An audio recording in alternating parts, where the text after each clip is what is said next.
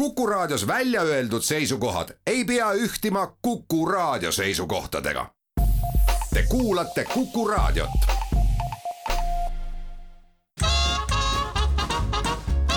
jäljed gloobusel tervist, kallid raadiokuulajad, kes te armastate neljapäeviti üheteist paiku või ka järelkuulamisest ükskõik mis kellaajal ja ükskõik kus paigas maailmas kuulata saadet Jäljed gloobusel, siis see saade just praegu hakkab ja teisel pool mikrofoni taga on Väino Laisaar, mina olen Andres Karu, tere! suur tere ka minu poolt! seiklesime siin vahepeal nagu üle-eelmine saade, me olime Lõuna-Ameerikas, rääkisime Peruust, eelmine saade oli Aafrika mandrilt, Rwandast ja nüüd, et asi oleks tasakaalus, siis me hüppame nüüd Aasiasse, et rääkida ühest Kesk-Aasia riigist, mille nimi on Tadžikistan. Ja ütlen kohe ära, et mina ehk siis Karu ei ole Tadžikistanis kunagi käinud, olen kuulnud sellisest riigist, tean, et on olemas, tean mõnda fakti selle riigi kohta, aga mitte nii palju kui Väino Laisaar, sest Väints on oma pika ja seiklusi täis elu jooksul sinna sattunud aastal kaks tuhat neliteist, ega ma ei eksi? ei eksi ja, ja täpselt nii see ongi. see, miks sina sinna sattunud ei ole, tuleb mulle mõneti üllatusena, sest seal selles riigis on ju üks hiiglama kuulus mägi on, on jah, kunagi oli hüüd-, tegemist on siis tipuga, mis Nõukogude Liidu ajal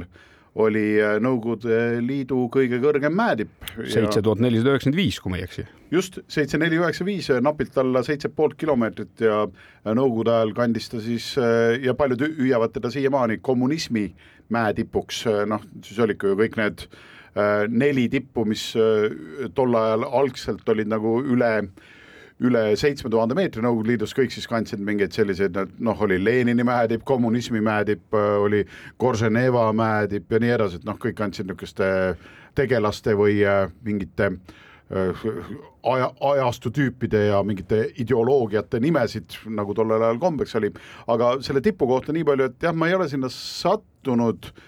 kui ma sinna satuks, oleks ka tegemist minu kõrgusrekordiga aga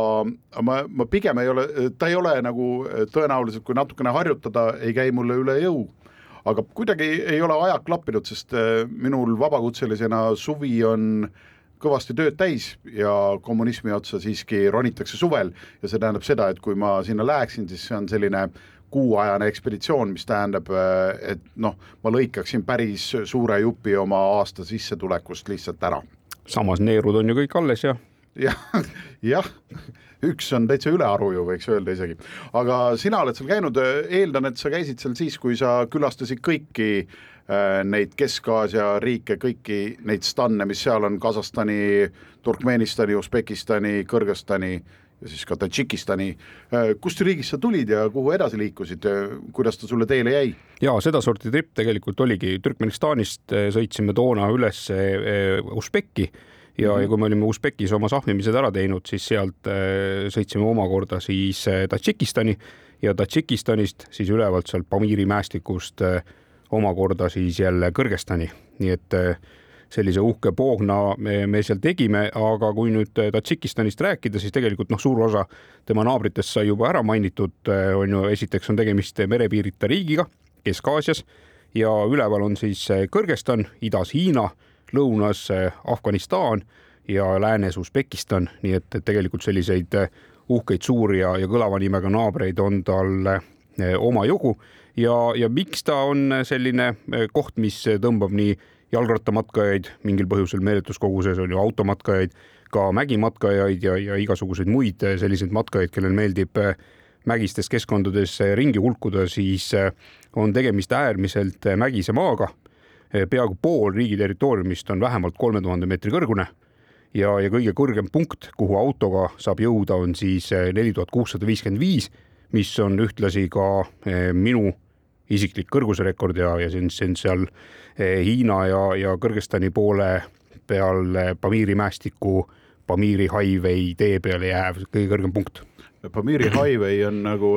paljud, paljud seostavad muidugi, et kui öeldakse noh, highway või nagu noh, kiirtee siis või kuidas me seda võiks nimetada või, või noh, maantee, noh maantee pigem siis, et vot paljud seostavadki seda hästi kiire liikumise punktist A punkti B, arvestage siis sellega, et vot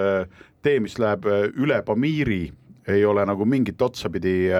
üldsegi kuidagi nagu kiire, mina olen seda teed näinud Kõrgõzstani poole pealt ja mäletan siiamaani neid, kuidas seal mingid nõuka päritoluga niisugused zillid ja mingid masinad, mis seal vahepeal sõitsid ja kamassid, et aga just zillide seda pilti, et kuna seal on kuum ikkagi vaatamata kõrgusele ja need noh, pöördenurgad on autodel on ikka hullud ja käiguga pidurdamine on ainuvõimalik allatulemisviis, siis äh, vähemalt zillid kõik sõitsid nõnda, et kapott oli lahti ja külje pealt siis juhtidel oli, küljeaknast oli pea väljas ja siis nad äh, vaatasid, et kuhu see tee viib ja, ja oli märgata, et alati nad päris täpselt ei näe, kuhu see tee viib või siis ma ei tea, käik hüppab välja või midagi juhtub, sest eh, nii mõnigi vrakk oli kuskil all orus vedelemas. jah, mõnikord on eh, mõistlik lisaks käigule ka ise välja hüpata, et neid, et tõepoolest neid sellises kuristikku vajunud eh, veoautosid vedeles seal päris mitmeid, aga ja tõepoolest kiirteega või kiirusega ei ole sellel teel mingit pistmist. miks ta seal on, ta on sellepärast, et ta põhimõtteliselt on ainukene äh, tee, mis sealt siis eh, tuleb Kõrgõzstani poole pealt ja tegelikult noh, otseühendust minu teada neil Hiinaga ei ole, vähemalt sealt selle ülemise poole pealt eh, ja, ja, ja sealtkaudu siis liiguvad kaubad mööda vana siiditeed, mis on ka osaliselt kaetud selle Pamiri kiirteega, siis liiguvadki sinna Tadžiki poole peale ja sealt siis edasi juba, juba lääne poole. Tadžikis on selle tee pikkuseks umbes tuhat kakssada kilomeetrit nii et tegelikult selline mõnus harjutus, mida mööda teeb eh, või mida mööda sõita. Eh, aga seda on ka võimalik väga erinevat viisi sõita, et sa noh, ei pea sedasama katkist koledat kruusateed, mis on veoautodest pungil kolistama, vaid sealt on võimalik lõigata vahepeal ka mingi selliseid mõnusaid lõike, mis on rohkem inimtühjemad looduslikult eh, kindlasti kaunimad ja, ja, ja kuna noh, kõik on nad kiirteed, siis või mida kõik on kruusateed, siis vähemalt see Pamiri highway on küll eh, osaliselt asfalteeritud, aga see vähemalt sellel aastal, kahe tuhande neljateistkümnendal aastal oli nii palju sodiks sõidetud, et mõistlikum oligi neid veel väiksemaid kruusakaid sõita ja, ja seeläbi ka läbida neid mõnusamaid mäekurusid ja, ja teha selliseid eriti meeldejäävaid põikeid. Äh, kas Tadžiki äh inimesed on sellised äh, ka kuidagi erinevad, oskad sa niisugust nagu üldistavat äh, pilti luua inimeste jaoks, et kas on, äh, kas nad näiteks on kirgiisidest või usbekkidest näiteks erinevad ka? no minu meelest kõige suurem nii-öelda visuaalne ühtsus oli neil pigem võib-olla selle Kõrgõzstani rahvaga ja, ja, ja noh, tegelikult eks seal neid paralleele annab eh, igalt poolt üle tõmmata, ütleme naisterahvad peamiselt, no kui ma nüüd ei räägi nagu sellisest linnakeskkonnast, siis olid ikkagi pearättidega, eh, tumedate juustega, eh, kõigil seljas sellised noh, ma nüüd ei oska sellele riietusesemele võib-olla anda nagu kõige õigemat nimetust, aga, aga noh, ta tundus nagu sihuke kittel, on ju mm, -hmm. ja, ja, ja, ja mehed kõik sellised džentelmenid, kõigil olid nööpidega triiksärgid seljas ja, ja, ja enamasti ka eh, viigipüksid, mis tõsi, olid küll sellised kakskümmend aastat jalgpallipõlvedega ja, ja mitte nagu otseselt nii-öelda peol käimise viigipüksid, aga, aga ju nad siis mingil põhjusel olid jäänud sellesse nii-öelda üldkasutatavasse riidekappi ja, ja enne kui päris näpud igalt poolt läbi saad pista, siis käid oma igapäevased asjad nii kaua ära, kuni, kuni püksid puusa pealt alla langevad. kusjuures seda jah, nende sealtkandi inimeste puhul äh, või noh, meeste puhul siis, kes äh, nii-öelda viigipükse kannavad äh, seal Kõrgõzstani poole peal, ma mäletan ka just seda pilti, et kuidas ma tabasin ennast mõttelt, et jah, neil võivad olla nagu püks võib olla paigatud, aga viik on korralikult sisse aetud, et nagu see, see üks ei tähendanud seda, et sa no, mingil hetkel lased selle viigipüksi nõnda, ah, las ta olla nagu dressid jalas. ei, viik oli sees, kuigi see võis ka olla üle paiga ja oma olemuse poolest eh, noh, selline tõsine mägirahvas on ju, kuidagi nad nagu eristuvad kergelt, need eh, mägi, mägirahvad eh, sellise lauskmaa rahva seast, et on nad võib-olla natukene tumedamad tänu sellele, et, et see nii-öelda kõrgmäestiku päike on võib-olla vähe teravam, on ju. päikest niikuinii on natukene rohkem kui siin meie maal ja, ja samas ka äh, kõrgmäestikule omaselt on talved äh, hästi külmad, nii et nad on, ütleme, sellise loodusjõudude poolt väga palju räsitud, mis on paljudele jätnud äh, jälje ka äh, noh näkku ja miks mitte kuhugi mujale. riik ise aga sada nelikümmend kolm tuhat ükssada kilomeetrit, mis on siis noh, ütleme suures piiris kolm korda suurem kui Eesti. ja, ja sinna on ennast elama sättinud üle kümne miljoni inimese. raha nimi on neil Somoni ja, ja kahe tuhande neljateistkümnendal aastal oli niimoodi, et äh, dollari eest sai äh, viis äh, seda Somoni nimelist raha.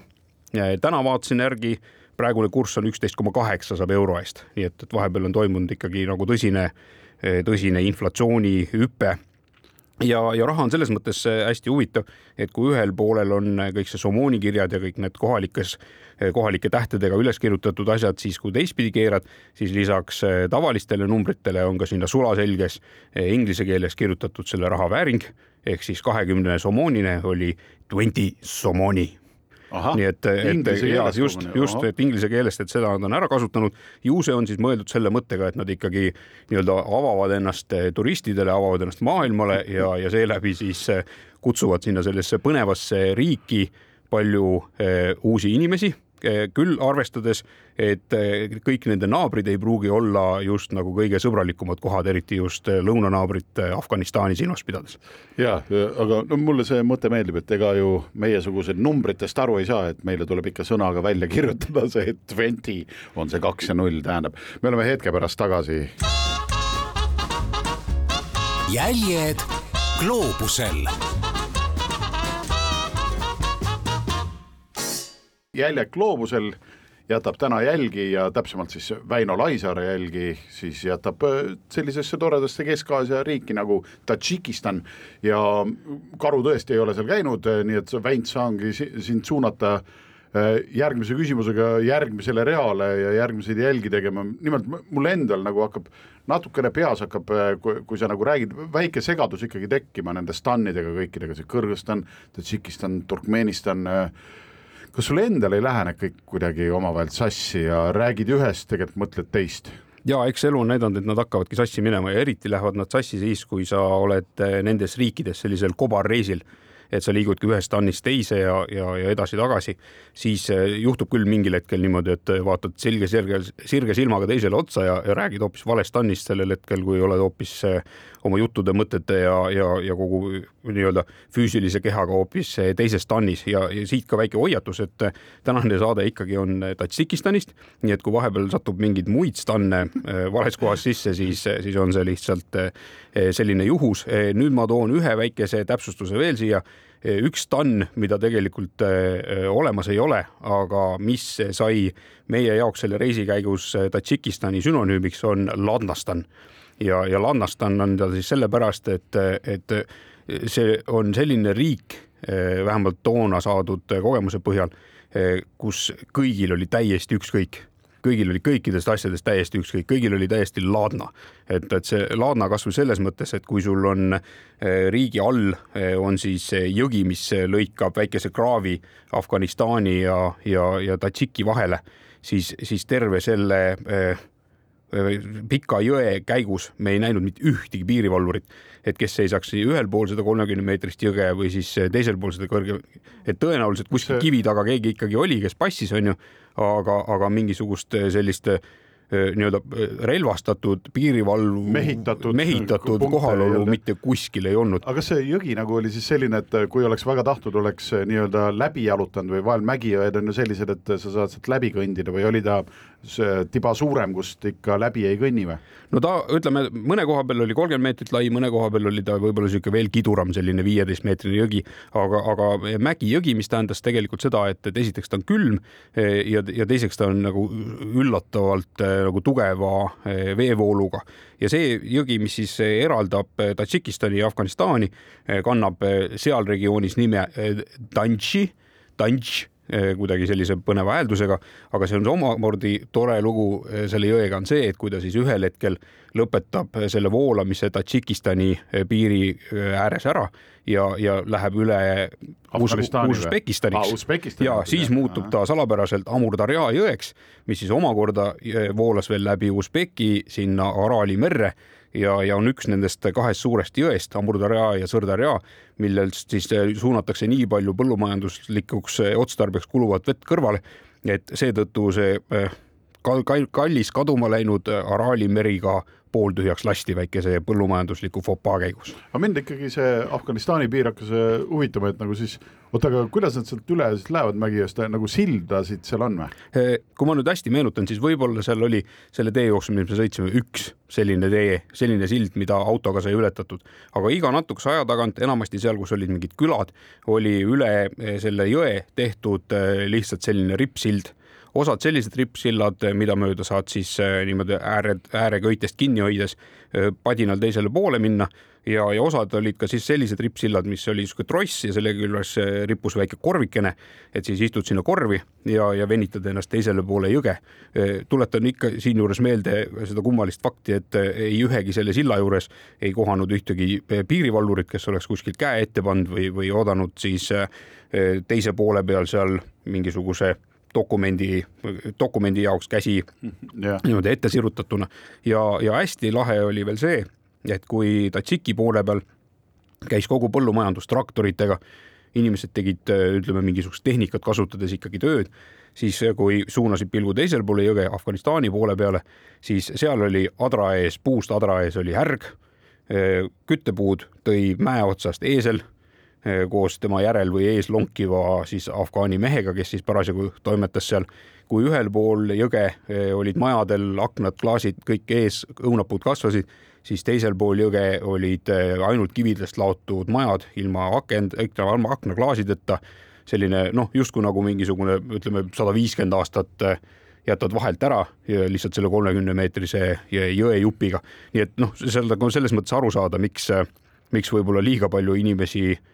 sinna Afganistani poole justkui nagu üle ei põgene või, või noh, käiakse no ainult mingisugusel samas... vastastikusel läbikäimisel, sest see piir seal vahel, see jõgi on ju tegelikult paika pandud lihtsalt täiesti nii-öelda nagu suvaliselt eh, ja, ja vägivaldselt, sest eh, see, see rahvas, nii palju kui me kohalikega rääkisime, siis ütles, et siin teisel pool on küll Afganistan, aga need on kõik meie inimesed lihtsalt see mm. piir tõmmati siit jõe juurest vahelt läbi, et need on kõik meie inimesed ja eks nad seal omavahel siis käivad niimoodi edasi-tagasi ja, ja toimetavad oma mingisuguseid tegemisi. ja eks need, äh, ma hüppan korra tagasi sinna, et tõepoolest võivad need erinevad stannid sealkandis võivad äh, üsna segamini minna, ma mäletan ka, et kui ma, ma olen käinud ainult Kõrgõzstanis ja Kasahstanis, aga noh, peale viiendat õlut ikkagi Kõrgõzstanis äh, kohalike meestega õllekas nagu mõtlesin, et on aeg öelda toost ja loomulikult mis see toost ikka muu oli, kui et võtame siis Turkmenistani terviseks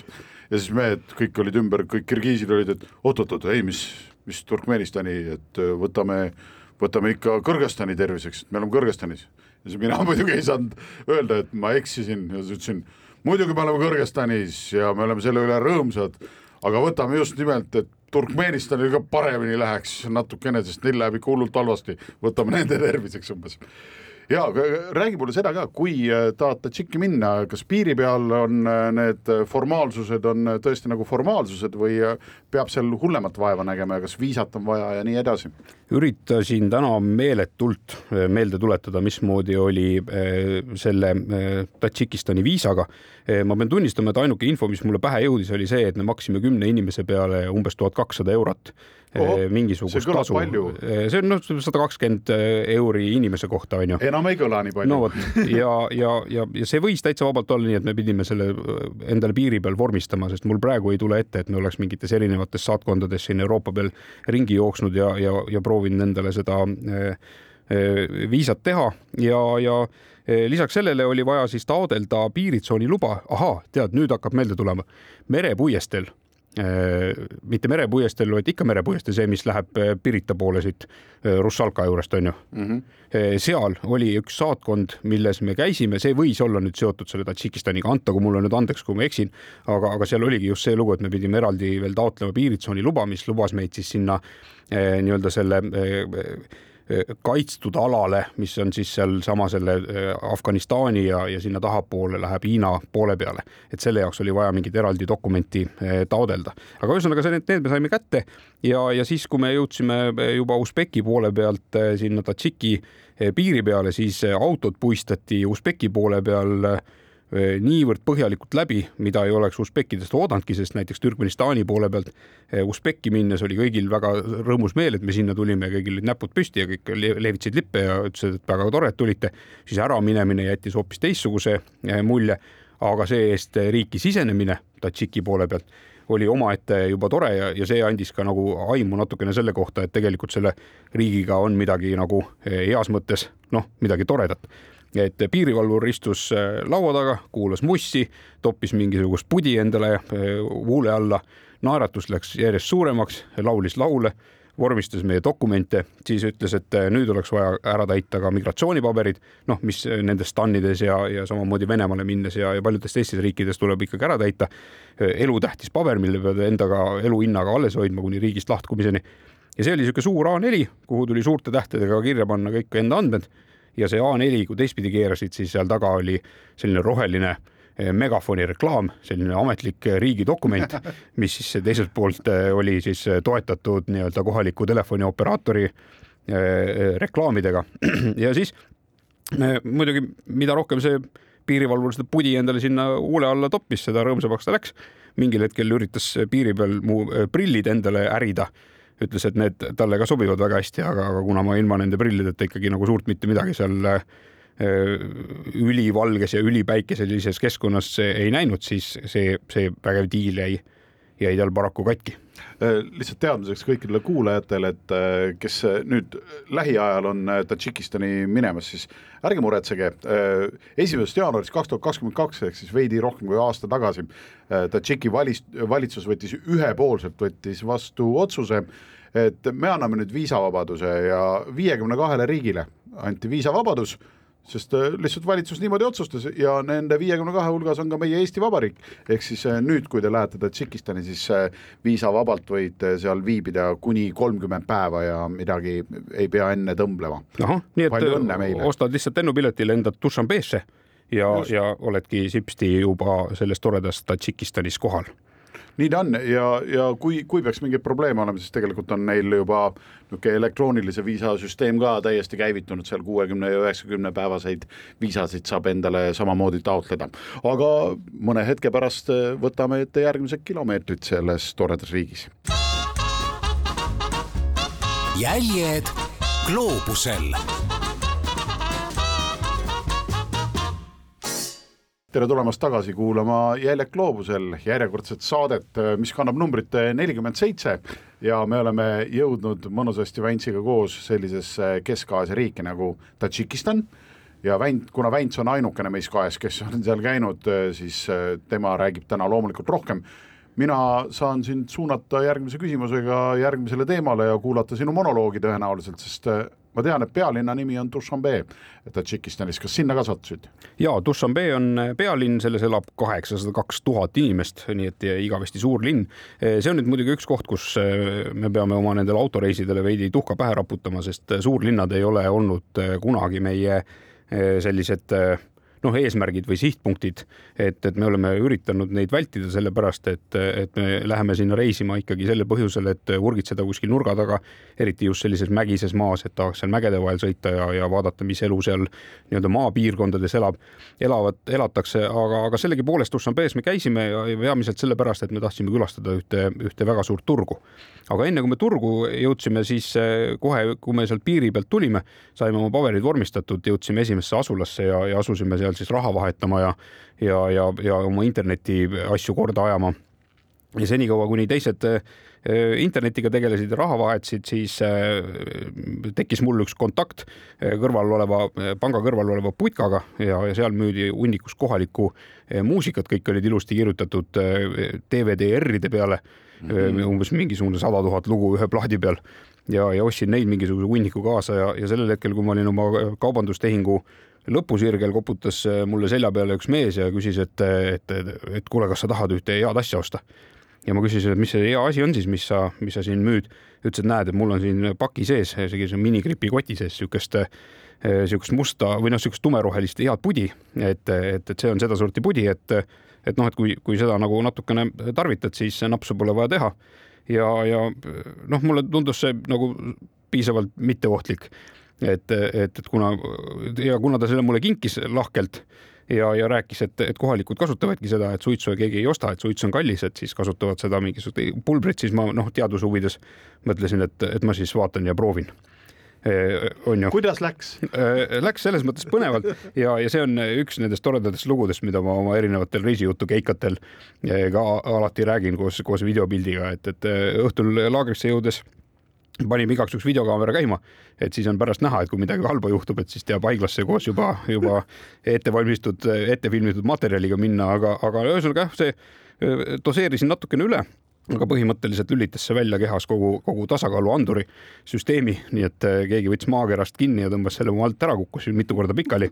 ja, ja siis, kui äh, pilt hakkas jälle ette tulema, siis sain aru, et äh, olin eksinud kõikide keeld, keeldude vastu. esiteks olin endale pistnud suhu neli korda suurema tüki, kui see vanamees oli õpetanud teiseks ei leidnud ma seda tükki enda suust enam, mis tähendas, et see oli läinud alla, kuigi vanamees keelas. ja, ja see lülitas keha ümber sellisesse avariirežiimile ja, ja paanikasse. noh, kõik, mis oli, kõik tuli välja, aga, aga ütleme, tasakaal ja elu ei taastunud sellel päeval, et läksin ära vara magama ja öösel olid veel mingid järellainetused, nii et ma pidin telgis kõvasti kahe käega lebost kinni hoidma, et see maakera saputas nii kõvasti, et ma pidin sealt lebo pealt maha kukkuma, aga, aga kui hommikul kell viis elu jälle oma joone peale tagasi jõudis, siis äh, kuidagi selliste veidrate viiemeetriste äh, selliste elegantsete hüpetega läksin põõsa taha pissile, mis noh, mingisugune osa sellest ikkagi oli veel, oli meil minuga mõjumas. ja et nüüd kuulaja ära ei ehmata, et, et missugune mees see siin seda juttu räägib, siis, siis tegelikult hiljem tuli välja, et tegemist oli sellise hästi kange mokatubakaga mida siis kohalikud inimesed hoopis nagu sigarettide ostmise asemel kasutavad. lihtsalt noh, tuli doseerida tuli õigesti, et siis said selle äh, õige tulemi kätte, mitte selle alt ära nihkuva maakera äh, versiooni, nagu mina suutsin endale, endale teha. aga sa olid siis ainukene teie grupis, kes selle proovis, jah? ja, ja siis ma tahtsin selle ära visata, aga hää reisikaaslane ütles, et ära viska ära, et, et ta ka proovib mingi päev ja, ja, ja see päev, kui ta seda proovis, siis me olime sattunud ööbima mingisuguse sellise muna ja mäe otsa, sest ühtegi muud kohta polnud, kuhu telki panna ja, ja, ja, ja kui ta seal muna ja mäe otsas siis selle ühe õige koguse tüki ära võttis, siis talle tuli see viiemeetrise sammu pikkusega kitse, kitsetunne enne peale ja hakkas siis suurte sammudega sealt mäe otsast kuhugi minema hõljuma. aga saime sabast kinni ja, ja, ja peale seda jäi see, jäi see pakike sinna, sinna, kuhu ta kuhu ta siis jäi, on ju. oota, aga kas kohalikud tüübid nagu siis, kas niisuguseid hõljuvaid kohalikke tüüpe ka nägite või nad ikka oskavad doseerida? ma arvan, et see ongi lihtsalt nagu doseerimises ja, ja kindlasti harjutamises kinni, et, et pean küll tunnistama, et ega teisi ei, ei paistnud. võib-olla oli see enda kogemus lihtsalt nii palju šokeeriv, et, et, et selle baasilt enam ei osanud adekvaatselt hinnata. aga, aga noh, kogemusena väga põnev ja nagu siin juba selles Peruu saates rääkida sai, siis tas, ütleme, reisida tasub ikkagi nagu rohkemate meeltega kui kui ainult eh, silmad ja kõrvad, mitte siin midagi propageerides, olles ise äärmiselt alalhoidlik inimene, siis see ei tähenda seda, et ma, ma kuhugi reisin ja kohe esimese asjana eh, mingit imelikku jama prooviks, aga, aga kui ma olen hinnanud enda jaoks, et, et see ei saa väga ohtlik olla, siis eh, noh, miks mitte, on ju. Mm -hmm.. kuule, kas see ka Tadžikistan ja noh, natuke mõeldes nende naabrite peale, et nad on Äh, tihti sellised äh, ikkagi vaesemad riigid on ka tuntud selle poolest, et jube palju on mingeid kontrollpunkte ja värke, et kus sa kogu aeg pead mingeid tõestama, et kes sa oled, kus sa lähed, miks sa tulid, on ju, mitmekesi olete. Jälle käsitsi peab ümber kirjutama, kas seal seda jama ka oli, et pidevalt mingit bürokraatiat ja tuli toetada kuidagi oma nagu avaldustega? meil tuli selle tee peal ette paar äh, sellist kontrollpunkti, kus äh, kõik passiandmed ja autoandmed ja kõik maailma andmed kirjutati jälle kuhugi vihikusse ülesse. Ja, ja seda enam, kui me siis lõpuks jõudsime sinna sellele eh, nii-öelda eh, mitte suletud alale, aga siis see Äh, nii-öelda see mingisugune kontrollala, mille jaoks meil oli eraldi seda paberit vaja. et seal oli siis niisugune nagu tõsisem ülevaatamine, aga, aga noh, see oli ka selle jaoks, et me põhimõtteliselt ei plaaninud kohe hakata sõitma mööda seda Pamiri mäestikku või seda Pamiri highway'd, vaid me, me tahtsime kõigepealt sõita väga pikka maad seal Tadžiki ja Afganistani piiri peal mööda seda jõe äärt ja, ja seejärel siis murda üldse sinna mägede vahele vaatama, mis, mis põnevat seal on aga noh, need olid alles riigi teises osas, et, et see esimene pool, kus ka pealinn on, äh, seal oli minu meelest rahulikum, mul vähemalt ei tule ette, et mingi hullu lappamist oleks seal olnud. Äh, aga, aga käisime seal pealinnas turu peal ära, klassikaline selline hiigelsuur turg koos või täis kohalikku koloriiti ja, ja nagu need paljud maailmaturud, siis on seal müügil noh, kõiki asju on ju sirpidest kuni rahvariieteni ja ja, ja kõikvõimalikke mingisuguseid erinevaid vürtse, värvilisi järki, seda enam, et, et, et noh, see kogu see siiditee ju ka kunagi liikus suures osas nendest riikidest ikkagi läbi ja, ja noh, neid kaubanduspiirkondi ja, ja hiigelsuuri turgusid, kus, kus see kogu elu käis, on noh, tänapäeval samast inertsist elavad, elavad uhkelt edasi nii et siin annan jälle järjekordse reisisoovituse, et kui satute kuhugi uus, uude riiki, siis kindla peale otsige üles mõni suur turg ja, ja käige sealt ka läbi, sest see annabki just selle nii-öelda mõnusa ja üsna eheda vaate sellele riigile, kus te parasjagu olete. kas Hiina sodi oli seal ka palju? Hiina sodi, ma mäletan, see kõige suurem Hiina sodi turg oli minu meelest üldse kas nüüd Kõrgõzstanis.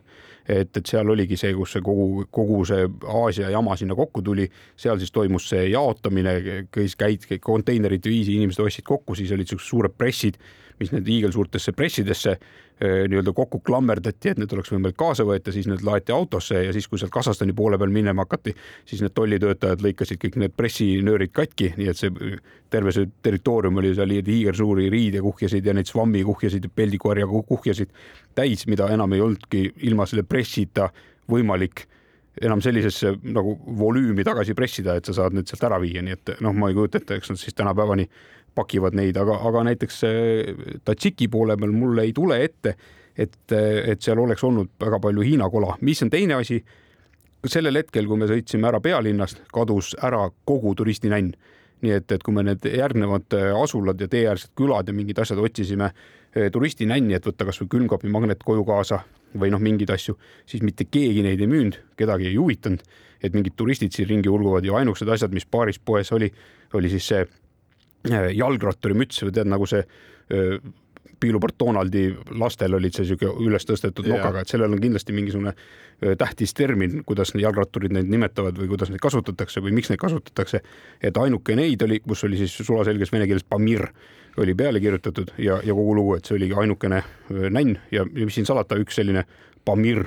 mütsikene peaks mul ka praegusel hetkel kodus olema. kas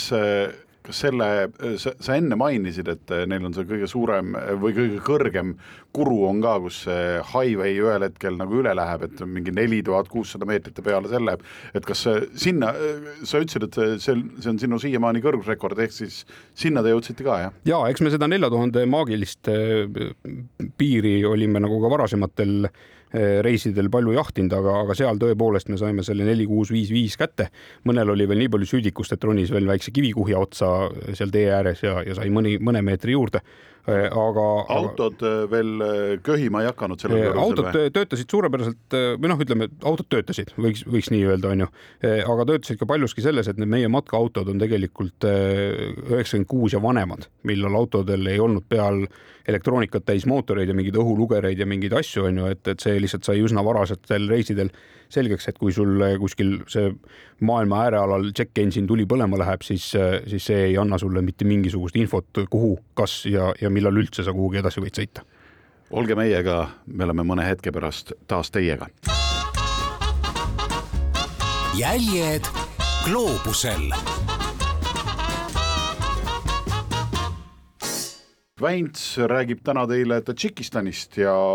me jäime pooleli seal, kus Dušanbe jäi selja taha ja otse ees oli Pamir. Ja otse ees oli Pamir, aga Pamiris oli veel hulka maad sõita, aga esimene veider asi, mis meile tee peale jäi, oli siis, kui sa Dushanbeest hakkad sõitma siis kiire kagu suunas, siis leidsime sealt ühel hetkel sellise hiigelsuure veejoa, mis mäe seest välja purskas, noh, sihuke meeletu fontään, on ju, imeline. Ja läksime lähemalt vaatama, selgus, et tegemist oli hüdroelektrijaamaga ja, ja siis see kogu see nii-öelda turbiinidest läbi käiv vesi, see siis lasti sellise suure kaarega mäe seest välja, imetabane vaatepilt, keegi satub mingi kindlasti vaatama, Nurek on äh, selle hüdroelektrijaama nimi ja seal on ka siis see paisjärv ja reservuaar. Ja, ja kuna väljas oli ikkagi äh, suvi, väga soe, siis meil tekkis kuri kahtlus, et äh, tegelikult kui siitpoolt purskab, siis järelikult teisel pool peab olema hulk vett et, et läheks ja, ja, ja, ja ujuks natukene ja võib-olla saaks sutsukene ka pesta, mis noh, võib-olla joogivee arvestuses ei ole nagu kõige mõistlikum mõte, aga, aga selline plaan oli ja, ja läksime siis, sõitsime väravasse, küsisime, et, tahaks sinna järve peale minna. et seal on kindlasti väga ilus ja, ja, ja kõik sinine vesi ja uhke, öeldi, et ei saa. et see on ikkagi nii-öelda hüdroelektrijaama reservuaar ja seal ei käida noh, sättisime siis suitsuvorstidega varustatud ekipaaži nii-öelda delegatsiooni uuesti valmis, saatsime uuele läbirääkimisele, siis selgus, et, et tegelikult ikkagi nagu saja dollari eest sai ja, ja siis avati meile maagiliselt väravad, sõitsime kõik sealt läbi mägede sinna ülesse tammi peale, avanes vaade siis sellele uhkele reservuaarile ja alt vaadates, kuidas see vesi seal purskas. ja siis tuli välja, et, et tegelikult seal teisel pool olid äh, kõik paadid, millega inimesi seal järve peal ringi veeti, siis kogu järve äärestik oli iga natukese aja tagant mingeid selliseid väikseid ujuvsuvilaid, kus siis äh, mingisugused äh, inimesed seal käisid oma mingeid suvitamise asju tegemas, võtsime meiegi paadi ja, ja käisime seal ujumas ja, ja siis sõitsime ringi ja, ja saime ujuda, meil oli kaasas ka, ka üks Saaremaa poiss, triatloni huviline ja tema ütles, et tema nüüd peab ikkagi seal teisel pool kaldasse ka ära ujuma. Ja ujus nii kaua, kuni see hüdroelektrijaama veevool hakkas teda sinna sellesse uhkesse tammi imema. ja, ja noh no,, noorsandil jõudu oli, tõmbas kõvasti ja, ja sai sellest veevoolust ikkagi välja ja, ja tuli elu ja tervisega tagasi, et me just ise mõtlesime, et jube kihvt oleks, et kui oled ennast saja dollariga ostnud eh, sealt hõlma alt ennast sinna järve peale ja, ja siis lähed mingil hetkel koputad direktori ukse peale, ütled kuule, pange see korra seisma, see asi siin, et meil on üks mees seal sees, et, et me võtaks ta endaga ikkagi kaasa, aga noh, õnneks suutis sealt eh, eh, ära, ära nii-öelda noh, tulema saada. jah, sa andsid minema, antagu nüüd andeks, kui sa hea reisikaaslane ei ole oma emale seda lugu rääkinud ja ta nüüd seda raadiost kuulis, aga mis ta nimi oli muidu selle, mis selle Saaremaa poisi nimi oli muidu? no vot, küll ta, küll ta teab. ja, ja no saladused omad võlud on ju ja siis hakkas nagu järjest rohkem tunduma, et, et see ongi nagu sihuke laannastan on ju, et, et tegelikult nagu kõike saad, noh, lihtsalt pead kuidagimoodi oskama küsida, aga kõik on olemas, et mis siis, et meile räägiti, et sinna ei saa üldse ja see on kõik keelatud ja värk on ju. tegelikult oli hull taristu seal on ju mingid ujusuvilad ja, ja kruiisilaevad enam-vähem või noh, sellised kruiisipaadid sõitsid seal ja noh, ühesõnaga saab. ja, ja noh, jätsime selle siis äh, selja taha ja sõitsime ära sinna Pamiri mäestikusse, vormistasime ennast sinna territooriumile ja hakkasime siis sõitma mööda seda eh, Tadžiki ja, ja, ja Afganistani eh, piirijõge. me käisime selles piirijões seal ääres ööbides ikkagi paar korda ennast eh, pesemas. aga noh, väga sügavale ei julgenud minna, sest vee, veevool oli kiire, aga tegelikult oli küll paar korda selline kiusatus, et läheks siis käiks sama soojaga ikkagi ka seal eh, Afganistani poole peal ära. paneks jala maha. paneks jala maha, aga noh, igaks juhuks ei olnud mõtet ikkagi jampsima hakata, sest noh, mine tea,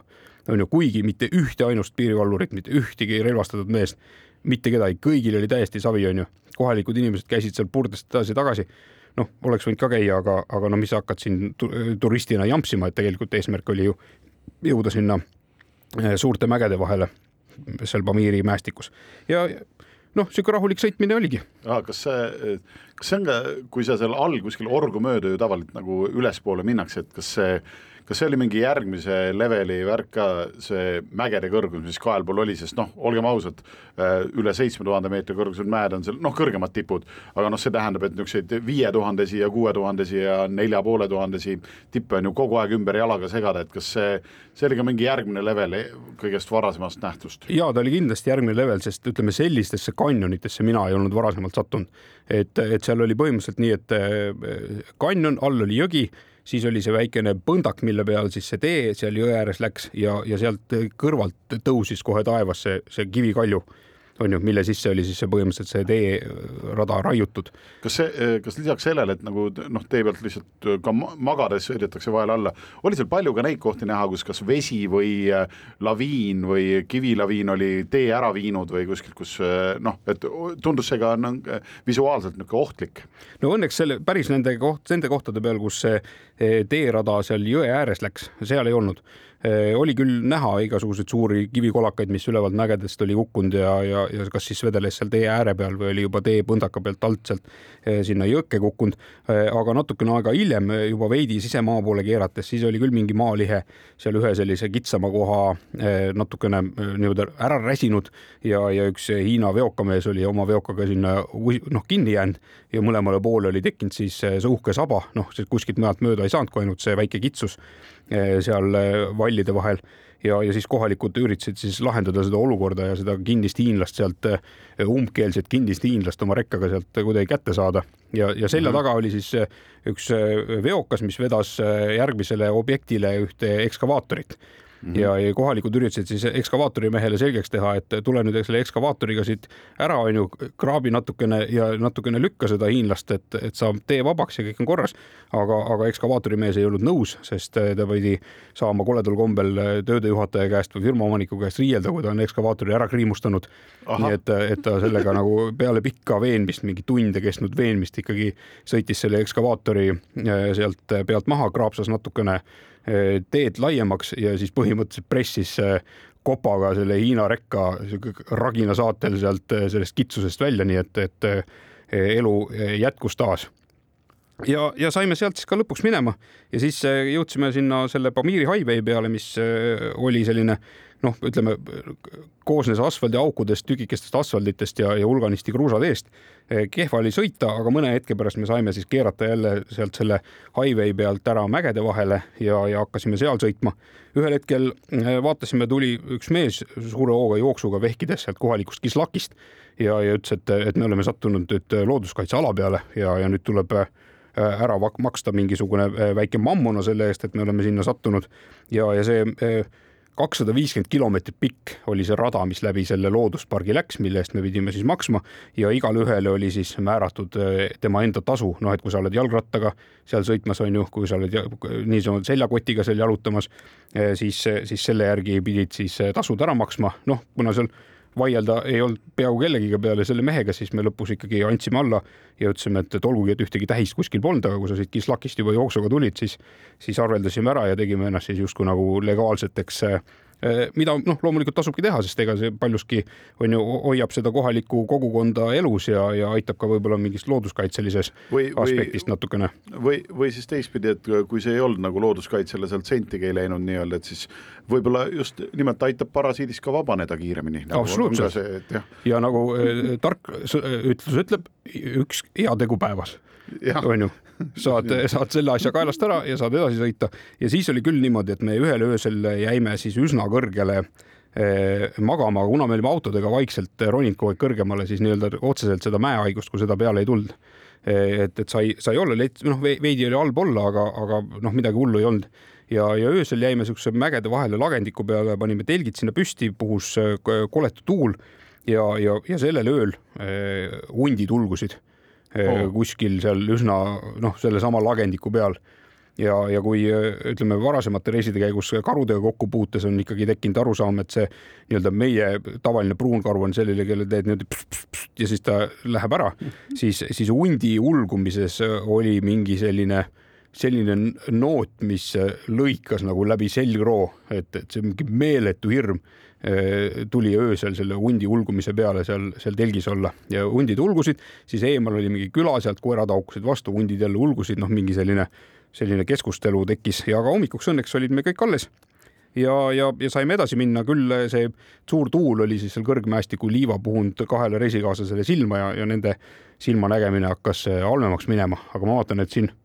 halvemaks hakkab minema ka meie saateajaga, mis tähendab seda, et ma jõuan ära rääkida veel Tadžikistani viimase loo ja see on piiripunkt, mis siis läks üle sinna eh, Kõrgõzstani poole peale ja piiripunkti kõrgus merepinnast oli neli tuhat kakssada meetrit ja, juba oli lumi maas igal pool, jõudsime sinna, mingi kõver slakkbaum oli ees, aga ühtegi hoonet ei olnud, oli lihtsalt veoauto kastist maha tõstetud see sihuke kuut.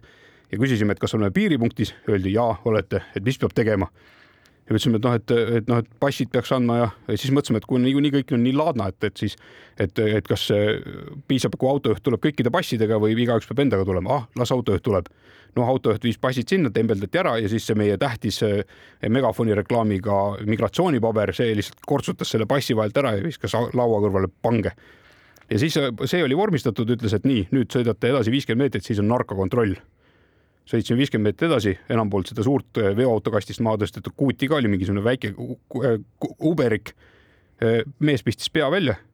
küsis, mis tahate, me ütlesime, siia saadeti, et narkokontrolli. mees mõtles natuke ja küsis, et on teil või? ütlesime, ei ole. selge siis head teed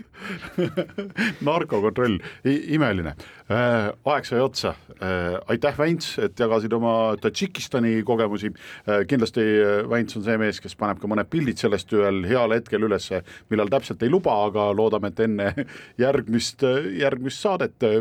kus me räägime no kes seda teab, mis riigist me räägime, eks see paistab juba järgmisel nädalal. aitäh kõigile kuulamast jäljed gloobusel neljakümne seitsmes saade on läbi, teiega olid Väino Laisaar ja Andres Karu. Teiega oli väga tore ja püsige avarad. jäljed gloobusel